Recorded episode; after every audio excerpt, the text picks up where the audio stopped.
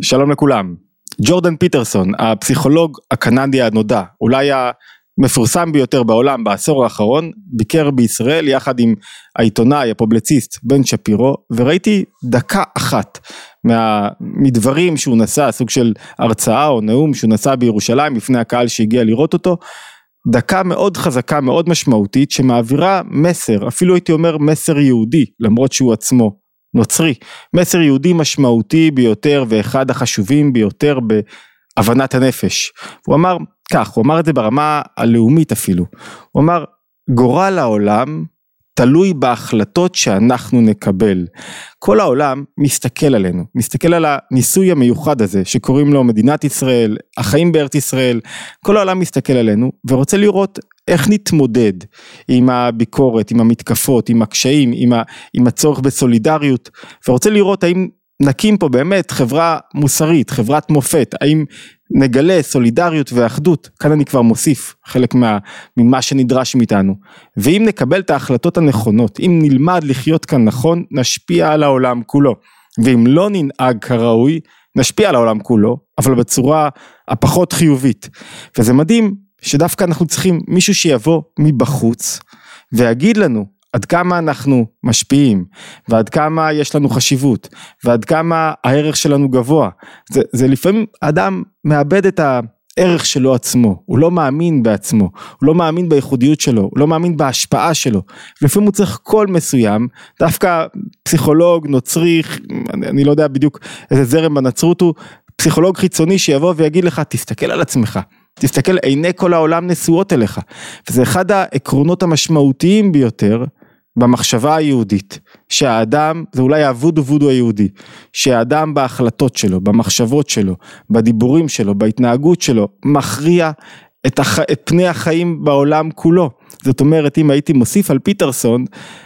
ההחלטה הזאת כיצד לחיות איזה חברה נקים כאן לא נתונה רק לממשלה, להנהגה, אנחנו לא יכולים לזרוק את זה רק על ההנהגה, זו אחריות של כל אחד ואחד מאיתנו, איזו חברה אנחנו מקימים כאן, איך אנחנו מתנהגים בחיי היומיום, בחיים הקטנים שלנו, בהנהגה שלנו בתוך הבית, בזוגיות, איך אני, איזה מחשבות אני בוחר לעצמי, הרי חברה גדולה מתחילה בהנהגה של כל אחד ואחת, לכן כל אחד המסר שלו אומר מה עולה מתוך המסר שלו שכל אחד צריך לדעת שכל מעשה שלו הוא גורלי וכל התנהגות שלו וכל מחשבה שלי אפילו היא גורלית ואין דבר סתמי. אין שום דבר סתמי. סתמיות נוגדת את האמונה היהודית. כי היא אומרת רגע הרגע הזה לא מדויק עבורי ולא נברא בדיוק עבורי, אין סתמי. ולכן כשאני מבין שבאמת כל העולם מסתכל עליי וכל העולם מחכה להנהגה שלי וכל העולם מחכה לראות איזה סוג סולידריות ואחדות ומוסריות ועבודה פנימית אני משקיע ואיך אני חושב ומה אני בוחר לעצמי ואיך אני מתקן את הדרך שלי ואיך אני מעורר תנועה של שמחה ואהבה ואחדות כשכל העולם, כשאני יודע שיש לי כזאת השפעה על העולם, יש סיכוי שאני אקח את הדברים יותר ברצינות. ויותר ברצינות הכוונה לא רצינות שמנוונת ומקשה על התנועה, אלא להפך, רצינות שמובילה לתנועה הרבה יותר, הרבה יותר משוחררת, אבל יותר מלאת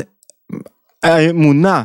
וההבנה עד כמה אני חשוב ועד כמה אני משפיע. אולי ניקח רגע איזה אנלוגיה מתחום הכדורגל. שחקן נבחרת שעכשיו עומד לבעוט לשער במשחק חשוב, בעצם האומה כולה מחכה, או כל מי שאוהד לפחות את הקבוצה ואת הנבחרת, מחכה לראות מה יקרה, האם הוא הצליח להבקיע שער או לא להבקיע שער, וזה מפליא. המצב הרוח, השמחה, החיות, הגאווה הלאומית של האומה כולה, תלויה בהבקעת שער. נו, יפקיע שער, לא יפקיע שער, מה זה כל כך חשוב? זה כולה כדור בתוך השער, מה, מה זה שינה? הרי זה לא מעשי, זה, זה, זה, אין פה משהו פרקטי באמת, ועדיין, לפעמים אתם רואים, ניצחון של נבחרת באיזה טורניר, תחרות יוקרתי וחשוב, יצר שינוי במוטיבציה, בחיות, בגאווה הלאומית.